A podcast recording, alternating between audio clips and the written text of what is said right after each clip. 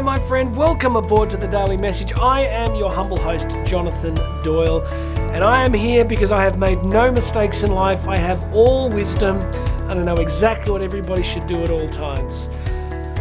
Not quite. the, the, the thing that you and I share is that we're both on the journey and we're both growing, we're both learning. And uh, I think that's one of the beautiful things about the gift of life, isn't it? That if we want to, if we want to be conscious, we want to be open, we get a chance to keep learning each day. Uh, housekeeping, please make sure you're subscribed. Hit those subscribe buttons, makes a big difference to me. Uh, and if you want to grab a free copy of my book, Bridging the Gap. It's a great book, really proud of it. Go and grab a copy of that because that book will help you get started. Um, grab yourself a copy. Uh, there's links there if you want me to come and speak at a conference or event, so hit those links. Today we're going to jump into a quote from the uh, absolutely amazing psychologist, mythologist, all round deep thinking big brain, Carl Jung, the founder of the Second Viennese School, uh, and one of the great thinkers of the last sort of 150 years. I read a biography of him many years ago, which had a big impact on me. It's another challenging quote. You ready? We're going to jump in today's quote from Carl Jung. Let's do it. We are not what happened to us. We are what we wish to become. Regular listeners know I'm big on the victim culture stuff. I think we're living in a particular moment in history where being a victim in any area of life, qualifier as I always say, I don't discount that there are genuine suffering, there is genuine suffering and there's genuine injustice but I think we have a highly therapeutic culture that encourages people to claim victim status for just about anything and avoid some of the hard realities of life. What Jung is saying here is that we are not what has happened to us. One more time, we are not what has happened to us. So, like many of you, I have had more than my fair share of bumps and bruises in this journey of life.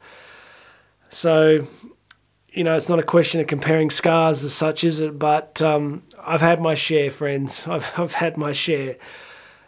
And in my own journey over the years, going through a huge amount of counselling, and was what I tended to find, is just my experience, was what I kept ending up with was a narrative. What I kept ending up with was a story that explained to me what had happened in my life and why I might be feeling the way I was. But the thing that it never did for me, and I can't speak to other people's experience, was I don't think I ever got better. The more that I knew about my past, the more that I knew about the, the grief or the suffering or the trauma or the loss that I'd experienced in life, knowing more about it didn't change anything for me.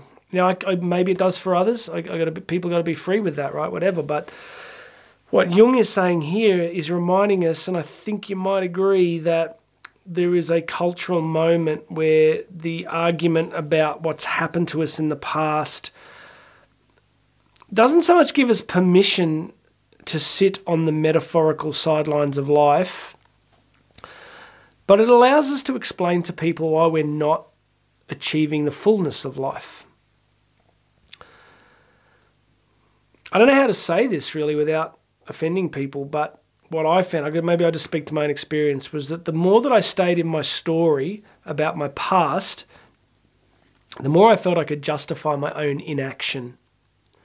And I would just stay in this death loop, this kind of, you know, endless loop, just I'd do okay for a while, then I'd fall back into the narrative of my past, and then I'd get stuck, and then I'd feel depressed or I'd feel anxious, and I'd go back to the story, and I'd try and, and it never worked for me. So, what does Jung say? That we're not what's happened to us. What does he say next? We are what we wish to become. How, how are they not polar opposites? Can you sense why I like Jung? Because the power in that concept. Do you not see how they're two radically different views of reality? One view is a is a victim based modality where we look at the past and we use the past to explain our, our misery and why we're not moving forward. You know, and I, again, I'm trying to be really gentle with this because real trauma Im- impacts us, right? But does that mean we have to spend our lives in that place? Because Jung says we are what we wish to become. What do you wish to become? So I look at aspects of my own past and if I stayed there, would I be able to be the husband to Karen and, and father to the kids that by the grace of God I've got this far, right? So we are what we wish to become. We are not just human beings, as I said a couple of days ago, we're human becomings. We are not human beings, we are human becomings. So, what do you wish to become in the time that you've got left? Whether you've got 60 years left, 70 years left, or 10 years left? What do you wish to become in this time that you have? What could you still contribute? What if you were free from your story? What if you were genuinely free from your story? What if you just went, well, my story has made me who I am. It's given me wisdom. It's given me sensitivity to other people's suffering and pain. But I'm not going to live there anymore. I'm not going to live there anymore. I'm going to move forward. That's been a theme the last few episodes. Keep moving forward. Keep moving forward. All right, summary Carl Jung. We are not what has happened to us, we are what we wish to become. Tell me if I'm wrong. Put something in the comments say, Jonathan, you have no idea what you're talking about. People with trauma can't move forward. You think? Well, I'm pretty sure you're going to find a huge number of historical examples of people that did just that. So, what do you wish to become? Get clear on it in the time that you've got. What do you want? What do you want? What do you desire? Who do you want to be? What do you want to be for the people that you deeply care about? What do you want to be for them? What legacy do you want to leave in their hearts and minds? How do you want to parent? How do you want to love? How do you want to show up and produce and contribute in the time that you got left? Focus less on the past, my friends. You ever tried, you know, to drive forward looking in a rear vision mirror? It's not easy to do, right? It's another good metaphor for living too long in the past. You know, you look at the Exodus story of uh, the Israelites coming out of Egypt, right? It's like, why did they spend 40 years in the desert? Because a whole bunch of them had to let, they wouldn't let go of the past. They didn't. They didn't want to let go. There was a promised land, there was a place they're supposed to be going to, but a whole bunch of them are like, well, we were miserable back there, but at least it was predictable.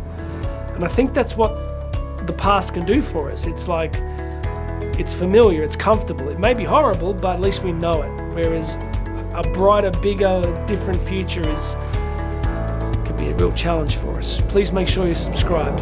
Leave a comment if you'd like to. Go and grab a free copy of my book, Bridging the Gap. My name's Jonathan Doyle. This has been the Daily Message, and I'm going to have another message for you tomorrow.